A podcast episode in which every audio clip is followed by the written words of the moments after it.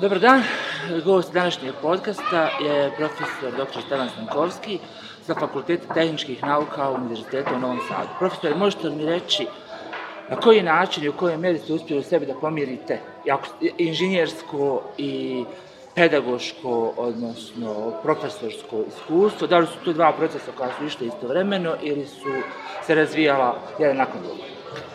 Ta dva procesa su išla a, paralelno i ja kažem da sam možda i imao i sreću zato što su ta dva a, procesa išla a, paralelno i mislim da sam a, kod sebe dobro razvio tu inženjersku komponentu i upravo mi je ta inženjerska komponenta pomogla da bolje a, po mom mišljenju naravno, izvodi mi onaj procese koje su vezane za obrazovanje, za edukaciju.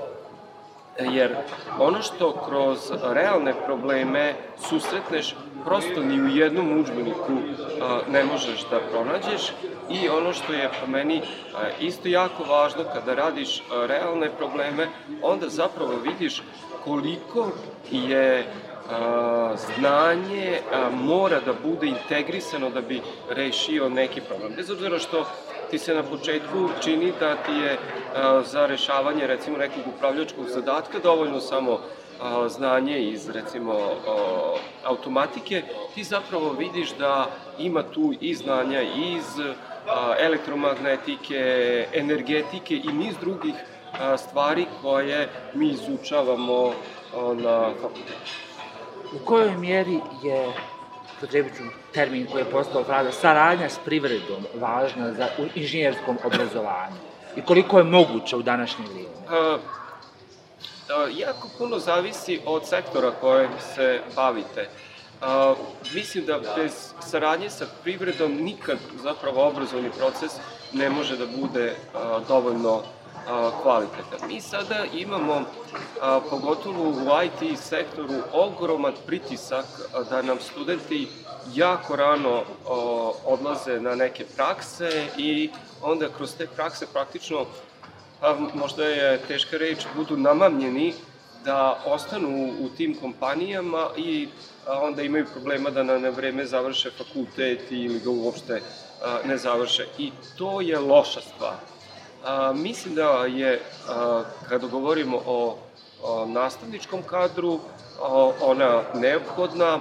A, mislim da i dobar deo evropskih projekata vas zapravo kroz svoje prijave i način organizacije a, primorava da sarađujete a, sa privredom, a to znanje i a, iskustvo koje dobijete kroz saradnju sa a, privredom je dragoceno i ona u onoj povratnoj sprezi unapređuje obrazovni proces. Pomenuli ste projekte. Šta za vas podrazumijeva koncept projekta? Generalno, kad sam prvi put ušao među inženjere, tad sam čuo za taj termin i nisam baš imao jasno pojmanje i dan danas ne znam sve komponente. Projekat zapravo označava kada vi imate neku ideju i od te ideje a, zapravo dođete do a, konkretnog inženjerskog a, proizvoda. Znači, kroz sve faze životnog ciklusa prolazite. Znači, prikupite zahteve, analizirate te zahteve, uzmete da projektujete, kada isprojektujete, onda krenete da napravite to, kada napravite, istestirate i na kraju dobijete gotov jedan inženjerski proizvod. Bez obzira da li je on a, u hardverskom obliku ili je u softverskom obliku koliko je naučno-istraživački rad bitan, odnosno kontinuitet u tome, koliko je moguć u uslovima u kojim mi živimo i radimo? A, on je neophodan, bez toga zapravo a, kao da se bavite aktivno sportom i onda prestanete da trenirate i onda mislite da ste i dalje sportista. Znači, a, svi ljudi koji su u visokom obrazovanju moraju da se bave naukom. Sad, šta se podrazumeva po tim, to je naravno široko ovaj, pitanje i može da bude širok odgovor, ali mislim da je najvažnije pratiti šta se u pojedinoj oblasti dešava. Mi smo, nažalost, na visoko obrazovnim institucijama podeljeni na jako male grupe. A, možda čak i nemamo grupe, imamo a, pojedince. I to jednostavno nije dobro, jer sa tog stanovišta mi ne možemo da ostvarimo velike naučne rezultate. To doba individualizma u nauci je davno, davno prevaziljeno pre stotinak godina. Mi sada moramo da imamo velike grupe, te velike grupe samo mogu da ostvare neki rezultat. Bez obzira koliko je pojedinac u toj grupi važan, on jednostavno ne može sam sve da završi. Šta mislite o naučno-istraživačkom radu u domaćim okvirima u odnosu na ono čiji se rezultati plasiraju vani? Šta je važno? Pod domaćim smo, mislim regionalne okvire na kojima se govori jezici bivše Jugoslavije. Mi, da, a, mi smo primorani da a, objavljujemo mislim da čitav region je tako napravljen, ne samo ne region, mislim da to nekako postalo moda u svetskoj zajednici, neki menadžeri su želeli da iskontrolišu kako ljudi u visokom obrazovanju ili naučnim institucijama rade i onda su napravili neke norme vezano za broj radova, kako se rangiraju ti radovi i mi smo puno više orijentisani odnosno dobar deo je orijentisan na to koliko sam radova publiko i to a, zanemarujući suštinu. I to je potpuno pogrešno. Mi zapravo ne treba da budemo prepoznati po broju radova, znači evo recimo ja sad dođem kod vas i tražim od vas da mi kažete šta je vaš najbolji, šta možete da mi pokažete u vaših naučnih rezultata i vi mi kažete objavio sam 100 radova u, u času gde je konkretan proizvod, gde ko to primenjuje tako, to smo potpuno zanemarili u nekoj naučnoj a, komunikaciji, neki jesu, neki nisu, a to je pogrešno. Znači, prvi plan treba da budu rezultati koje smo ostvarili i ko koristi te rezultate. Mi zapravo, što imamo više korisnika naših naučnih a, a, rezultata, mi smo bolji istraživači, a ne koliko imamo... Kvantitativno. Tako je, tako je. Moj prvi susret s vama je bio vi Sveta Nesića, to u Novom Sadu, dolazili smo gospođe Lije i ja na da, fakultet, i bili su neki stranci, tu je bila moja nekadašnja mentorka, profesorica Filibabu, koja je nešto prevodila, I ja sam tad bio odavde, ono, zemlja relativno sveže posle rata, mi smo još imali tu neku fascinaciju strancima, ono, do, došli stranci i upi neko će nam nešto pomoći, a vi ste otprilike s gnušanjem rekli, oni su obični kradljivci ideja. Ja sad recimo, nakon 15 godina, nadolazim na to vaše sve više, ja recimo i ove nametnu te standarde lista, ova lista, i to u neku ruku smatram kao krađu ideja, jer u velikoj mjeri se nameću nama da neku dobru ideju plasiramo negde koji će neko šesti može da koriste, mi budemo sretni zbog toga što je neko negde objavio. Kako je vaše mišljenje o tome?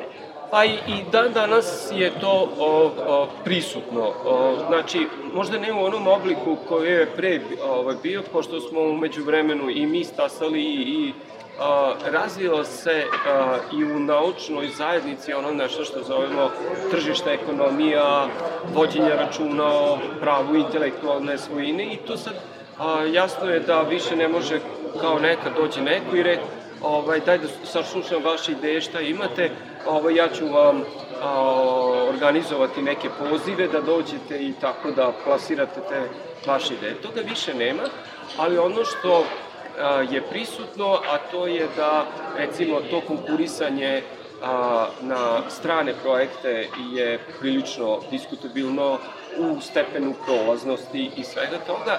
I ono što sam ja recimo bio ogorčen a, a, kako se organizovalo u Srbiji a, recenzen, a, recenzije naučnih projekata koje imamo. Te recenzije, a, sve su bili strani recenzenti na našim domaćim a, projektima. To je za mene jako loš potez, mi smo sve svoje ideje da. pustili, dali. dali nekome, neko to pregleda i neko na osnovu vlastitog iskustva procenjuje u svojom, u svom okruženju, u svojoj zemlji, da li je to dobro za moju zemlju ili ne. Ja mislim da je to pogrešan potez, ali eto, Ni, ni, ja verujem, duboko verujem da a, ja nisam usamljen u tom a, mišljenju, samo mi nismo donosioci tih odluka koje mogu da se... problem, recimo, ako smo mi autori. Ja isto to smatram, recimo, lijepo je da neko nešto objavi vani, Ja znam kolege, recimo, koje su radili teorijske aproksimacije nečega što nikad nisu vidjeli i to je očito ne ide u neke eminentne časopise, oni imaju što vi kažete papir, Da. final result tu ne postoji. Tako je, tako je. E, mislim da je mnogo korisnije u svojoj maloj mikro zajednici raditi nešto što može da... Treba imati i ovo i ono, ali taj neki balans među domaćeg. Nas se nekako u akademskoj zajednici forsira, pretpostavljam da u Srbiji isto, ako nešto radikalnije, forsira na to izdavanje nečega ka vani, dok se to neko domaće izdavaštvo ne njeguje, ne, ne forsira se. Nemamo mi obavez, ob, recimo, obavezu da ažuriramo udžbenik svake tri godine. Primjer tako i radi. Da, um, kod nas u Srbiji je uh, napravljeno uh, upravo zbog pritiska ljudi koji razmišljaju slično kao ja. Mi imamo, da kažem, uh, taj jedan pristojan balans, znači tu moram da budem dobar. S druge strane, a treba otvoreno uh, reći da a, dobar deo akademske zajednice je a, sklon a, raznim izbegavanjima ovaj, realnih a, rezultata. I mi smo zapravo se bili primorani, pošto smo prestali jedan drugima a, da verujemo, a, krajnje je neobičajeno da recimo na nekoj domaćoj konferenciji ili tako se odbije neki rad, a, kada dođe a, da kažem, diskusije u nekom radu, nema teže žu, žustrine, nema a, dovoljno a, a, pozitivne kritike a, u svemu tome i onda smo mi rekli, dobro, pošto smo takvi kakvi jesmo, mi smo se okrenuli ovaj, eto, nek neko drugi procenjuje da smo mi dobri ili ne. I onda se to ovaj, shvatilo kao na zapadu kao jedan ogroman biznis. Vi sada imate časopise za brzo objavljivanje, a, nekad pre recimo 10-15 godina ja sam se borio i smatrao sam da su to ovaj, predatorski časopisi, sad je 80% časopisa zapravo na brzom publikovanju. Quick release. Tako da sam ja, eto, ovaj, bio na verovatno pogrešnom putu, zato što nisam a, shvatao koji je to zapravo veliki a, biznis. Ja duboko verujem da je akademska zajednica u Srbiji na objavljivanje, znači samo na objavljivanje časopisa potrošila preko desetak miliona evra. I to je lako izračunati broj objavljenih radova, a, to je samo za objavljivanje radova. A sad to kada pogledate a, koliko vam energije treba, koliko sati treba da uredite neki tekst i tako, ja mislim da smo mi bez 50 miliona evra ništa. Kako je vaše mišljenje o peer review kao konceptu? A, dobro, to mislim da Jer to je je... postalo standardizovano, ranije su bili recenzenti koji su radili velike količine, procesuirali, sad to... Mislim da je to okej, uh, to je uh, način na koji uh, je akademska zajednica, odnosno pre svega, mislim, uh, izdavači uh, se odlučili uh, uh, za taj koncept, pošto recenzenti uh, su anonimni, ne plaćaju se i to je, ovaj da kažem, priličan jedan dobar koncept. Sad sam vidio da uh, neki izdavači, uh, ako izvršite određeni broj recenzija, dobijete neki popust da, da objavite u tom časopisu rad. Tako da, mislim da je to okay, da uh, je dobro da uh, vas neko drugi uh, pogleda. A, znači ja a, nisam protiv toga da mi a, a, ne objavljujemo, je tako? Jedino moramo naći meru. Taj kvantitet a, jednostavno nije od, slika kvaliteta. Ali nametno se glasu Srbije to daleko definisanije. Kod nas je tek sad, se, mislim, od prethodne sjednice Senata da se primjenjuje zakon, novi zakon o visokom obrazovanju koji ima tačno definisanje. A- Šta ko mora da ima, kod nas je to ranije uređeno. Vi ste Tako je, mi smo procese. tako, ima, većina- Imate brojeve, one šifrice, tačno Tako kao je, šta mislim, mora, koliko. Mislim da je kod nas je to pre jedno 20 godina uvedeno iz prostog razloga, a mi kao akademska zajednica nismo uspeli da, da kažem, u nekom neformalnom smislu održimo kvalitet pre svega doktoranata i, i doktorskih a, disertacija i mi smo zapravo sami krivi što je, što je došlo do toga. Kako je vaše mišljenje o bolonjizaciji? Neću da kažem o Bolonji, o bolonskom procesu, nego mislim da je bolonjizacija jer je tu nešto spušta, da su univerziteti ušli i da su adaptirali to kako mi odgovara. Tako je, ja mislim da to već su ljudi a, prestali da razmišljaju realno o tome, a, da je a, imalo nekih prednosti, a, ali te prednosti, ako bilo koga pitate ko je žustro branio bolonski proces, zapravo a, ne mogu da se nabroje po meni na a, prste jedne a, ruke.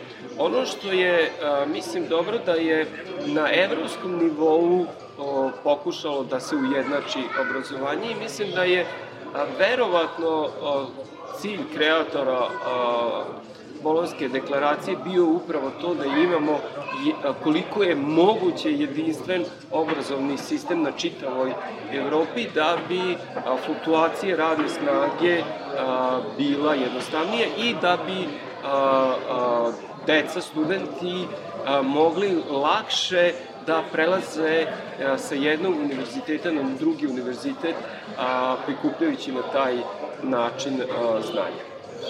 Šta je za vas kompletan univerzitetski učbenik?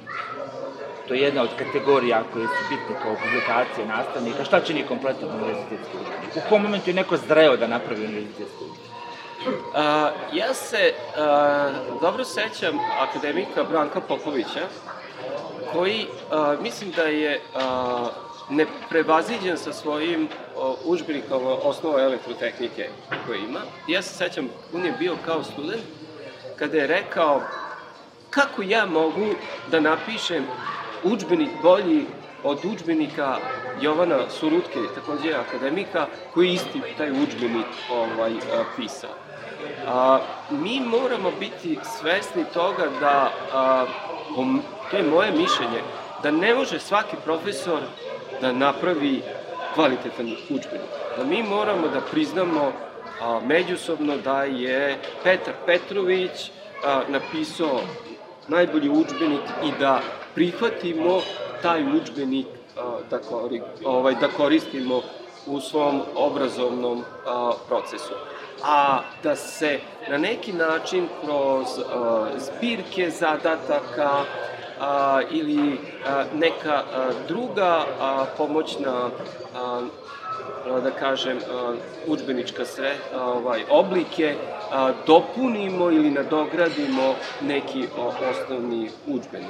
Jer ja stvarno kad gledam neko, i, i za to je potrebno ogromno vreme i ogromna energija i a, mi uslovljavamo a, mlade ljude koji imaju nekoliko godina radnog iskustva da bi mogli da napreduju u zvanje vanrednog profesora, a to znači samo pet godina nekog iskustva, da napišu ovaj, učbenik. Vi možete napisati učbenik, ali pitanje kvaliteta. Da, da li će držati test vremena? A, apsolutno, apsolutno. Problem plagiranja koliko je prisutan, koliko ga internet pogoršao, odnosno olakšao njegovu detekciju. Jeste se sretali s tim u svojoj akademskoj karijeri kao recenzent, kao mentor, kao uh, ja, učesnik konferencija? Uh, ja lično nisam prepoznao, da kažem, takve situacije ali sam a, bio žestoki a, borac a, tamo gde a, su ljudi uočili a, takve a, probleme. I a, to je a, isto jedna od, a, da kažem, boljki visokog obrazovanja, upravo zbog toga što nam je nametnut kvantitet i ljudi onda u tom kvantitetu iz posežu za raznim sredstvima. E, lepo ste to rekli, po, posežu za raznim a, a, sredstvima. A, trudili smo se a, da se a, borimo protiv a, toga, ali verujte da smo recimo koliko meni poznato a, samo jedno a, naše kolegu na etičkom odboru a, kaznili, a, kaznili smo nekoliko studenta, govorimo o čitavom univerzitetu u Novom Sadu, kaznili smo nekoliko studenta koji su zapravo popisali ovaj, tuđe a, radove. U kompletu? U kompletu i tako. I ono što je, a, recimo, a, a, interesantno kada a, sada pogledam unazad, kako je zapravo su otkriveni a, plagijati. Nas dvojica smo odlični prijatelji, sarađujemo A, I u jednom trenutku znamo sva kako, za kojim sredstvima polažemo, nas dvojica se posvađamo i onda vi u znak osvete mene prijavite da sam ja u jednom trenutku a, radio neetičke stvari. Znači, u 100% slučajeve tako su prijavljeni plagijati. Znači, ne zato što je neko bio savestan pa je prepoznao, nego iz... Osjeti, kao ljubavna svađa, ono, bađenje prvog veša izlazi, e, političari kad se svađaju, da. E, otprilike tako sad ja, sad sam ja od jedan put rešio da a, isteram stvar a, da budem pošten. Pa, to pošten je širok pojam ovako, ali eto da, pre svega, skrenem pažnju kako je neki kolega a, loše a, radio. To je ono što sam vam ovaj, i, i malo pre rekao kada govorimo i o domaćim konferencijama, nema dovoljno a, kritike, znači i onda to kad svi izbegavamo jedan drugom da otvoreno kažemo, e vidio da si pogrešio, ovo trebaš da ispraviš, a, ne mogu ti prihvatiti rad na domaćoj konferenciji. I kad vratite, čovjek će se zapitati, možda će biti povređen u tom trenutku, ali ako tome nije bilo zle namere, nego sam ja detaljno pročitao tvoj rad i hoću da ti pomognem, trebaš da budeš zadovoljan tom recenzentu koji je potrošio svoje dragoceno vreme i pomogao. Znači, ja se dobro sećam a, svog a, doktorata, kad sam predao prvu verziju, i nisam predao svom mentoru, nego sam predao članu komisije. I on meni, ja se sećam, vrati, sve crveno. Ja bio očajan. Znači, ja sam teo što pre da doktoriram, da zatvorim jedno ovaj, poglavlje, i on je kulturno rekao, Stevo, ti to ne moraš da prihvatiš, ali bi bilo dobro. I posle onog šoka, kada shvatiš da moraš još da radiš misliš da si završio, i onda kad sam pogledao, zapravo sam bio ekstremno zahvalan tom profesoru i onda sam to uzeo kao princip rada sa svojim doktorantima da kad mi preda prvu verziju, da mu što pre dam odziv i da što pre pregledam detaljno da ispravim i pravopisne greške i suštinske greške i tako U kojoj mjeri tu mogu pomoći ovi softveri? Treba sa namjerom množinu softveri. Jeste, mi... Za ispravljanje plagijarizma. Mi imamo, a, prvo, a, uh, imate tu razne vrste plagijerizma. Ako vi uzmete engleski tekst i prevedete ga na srpski, to niko ne može ovaj, za, ja bar mislim da teško da će ti o, standardni softveri ovaj, a, da to urade. A, te kako može? Obično, ako, ga, ako je to radio neki inženjer, uradio ga preko Google Translate, ali Google Translate je postao toliko dobar, tako da ako imate sumnju možete da učitate, otprilike to može da se prepozna. Slažem se da... Govorim iz prevodalačke perspektive. Znam, znam, ovaj, takve stvari mogu relativno da se otkriju, ali uh, mi gledamo, ovaj, imamo Authenticate kao software koji koristimo na univerzitetu, pomogne nam, jednostavno nam a, pomogne, ali mi moramo da budemo svesni toga. A, možda taj plagijerizam, čist plagijerizam kada uzmete tuđe delo i nije toliko zastupljen, koliko ima realno onog a, a, malog nekog autoplagijerizma. Jer vi uzmete svoj rad pa malo ga izmenite pa a, nadogradite pa ovo i onda taj procena, da li je 15-20%, šta je prihvatljivo? Da iz a, rada koje sam objavio na ovoj konferenciji uzmem 30% teksta i objavim na nekoj drugoj. Da li to ovaj, il, a, prosto je nemoguće tu količinu ovaj, a, objaviti. Ili da se međusobno ovaj, dopisujem. Ja se, evo, sam već ovo da kažem, da završiti. Meni je najbolje bio jedan moj kolega koji je a, rekao, a, kada se pravi onaj spisak literature, Uzmi samo koja je ta količina stranica koji si ti naveo, koji imaju ti radovi, udbenici koji... To je nemoguće da se ti pročita. Znači, a mi sada, zbog citata i svega toga, smo prisiljeni da imamo puno ovaj radova. Realno, niko to ne pročita. Pročita jedan mali segment, pa prijavi to ovaj, kao da, da, da. da je pročita. Tako da, eto, a neke stvari su nam nametnute, takvo je vreme, a, ovaj, i a, mora sigurno neki, neka prelomna tačka da a, dođe a, i to će sigurno opet biti neka ekonomska, a, da kažem, a, prekretnica, kao što sam rekao na početku su neki menadžeri rekli kako ćemo da kontrolišemo da li ovi rade ili ne rade, koliko rad ovo objavljuju, to je Da, neki, neki vid e, ljestvice koja pravi Tako je. određene rezultate.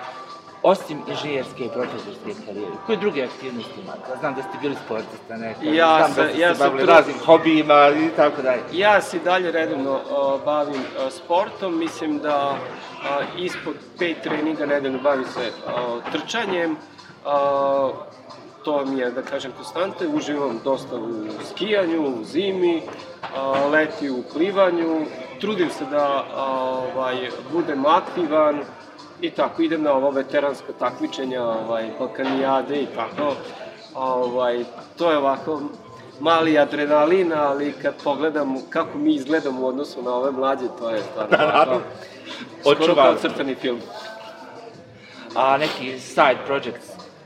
Znam da ste se nekad pominjali da američke somčiće u nekom Jeste, kontekstu. Ta priča ovaj, jako da. zanima jer se mi uhvatio Da. onako iz prikrajka E, nekad. Zapravo, ovaj, e, mi smo vreme krize čovjeka natera da razmišlja, jednostavno ako ste a, vredan i a, sposoban, onda a, želite da, da radite nešto, da zaradite a, neki novac.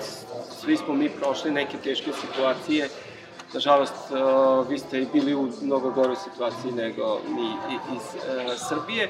I onda sam u jednom a, trenutku čuo da ovaj, i, a, ako gajite s- somove, da tu ekstra dobra ovaj, zarada i onda sam ja a, sa jednim a, ovaj, kolegom napravio firmu koja se bavila a, uzgojem, a, da kažem, ovih, a, a, krenuli smo sa vijetnamskim ovaj, somovima i to je fascinantno, mislim, ovaj, kako ono u maloj količini ovaj, vode a, mogu da, a, da kažem, prežive, da, da napreduju i jedno vreme smo se ovaj a, bavili a, time i onda kada je su došli da kažem poslovi koji su orijentisani na ove inženjerske stvari onda smo zaboravili ali je bilo ovako interesantno ovaj mi smo to sve automatizovali to hranjenje i sve to ovaj održavanje vode prečišćavanje On nešto na visokoj temperaturi žive? A, da, oni, recimo i to mi je bilo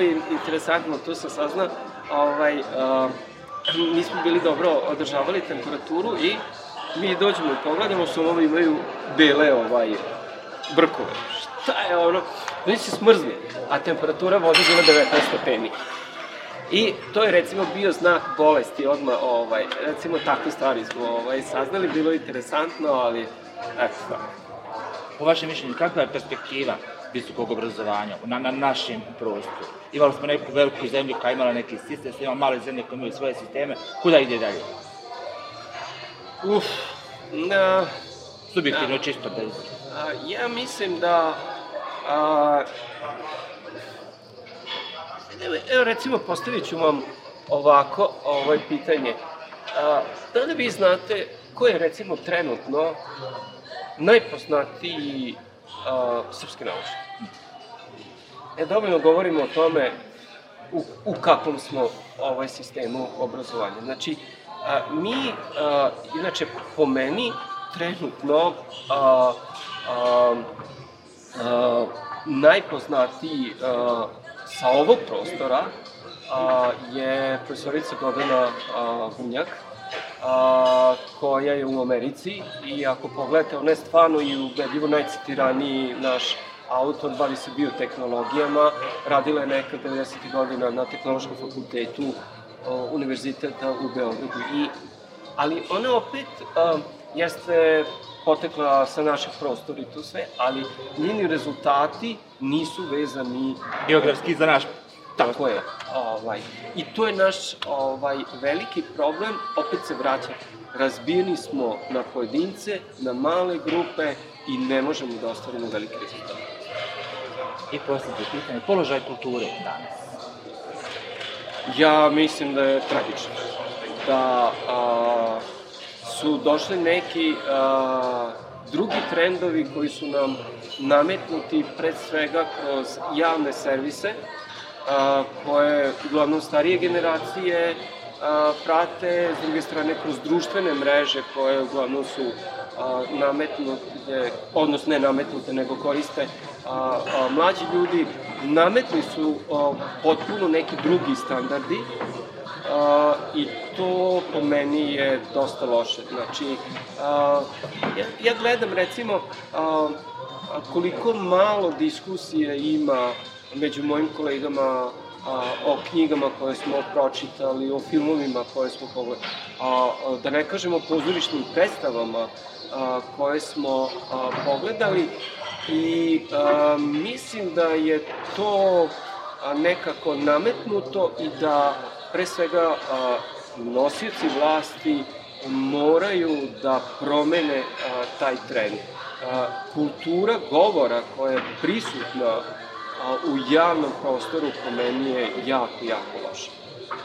Da generalni koncept je da bilo koja emisija kulture ide u terminu za light erotske filmove, 11 na večer, otprilike, i, i to traje to, 15 minuta. Na, tako je, i vi kad slušate te ljude koji su A, pogledajte samo naslove na novinama, u ono, novinama. Bilo čemu na portalima. Tako je, tako je. Sve ono 30 sekundi, 15 sekundi je nešto da privuče tako, pažnju i da nije ništa. Tako je, i tu se tačno o, vidi ta neka matrica i to je prilično loše. Da, matrica koja nas je. Hvala vam puno, profesor. Hvala vas.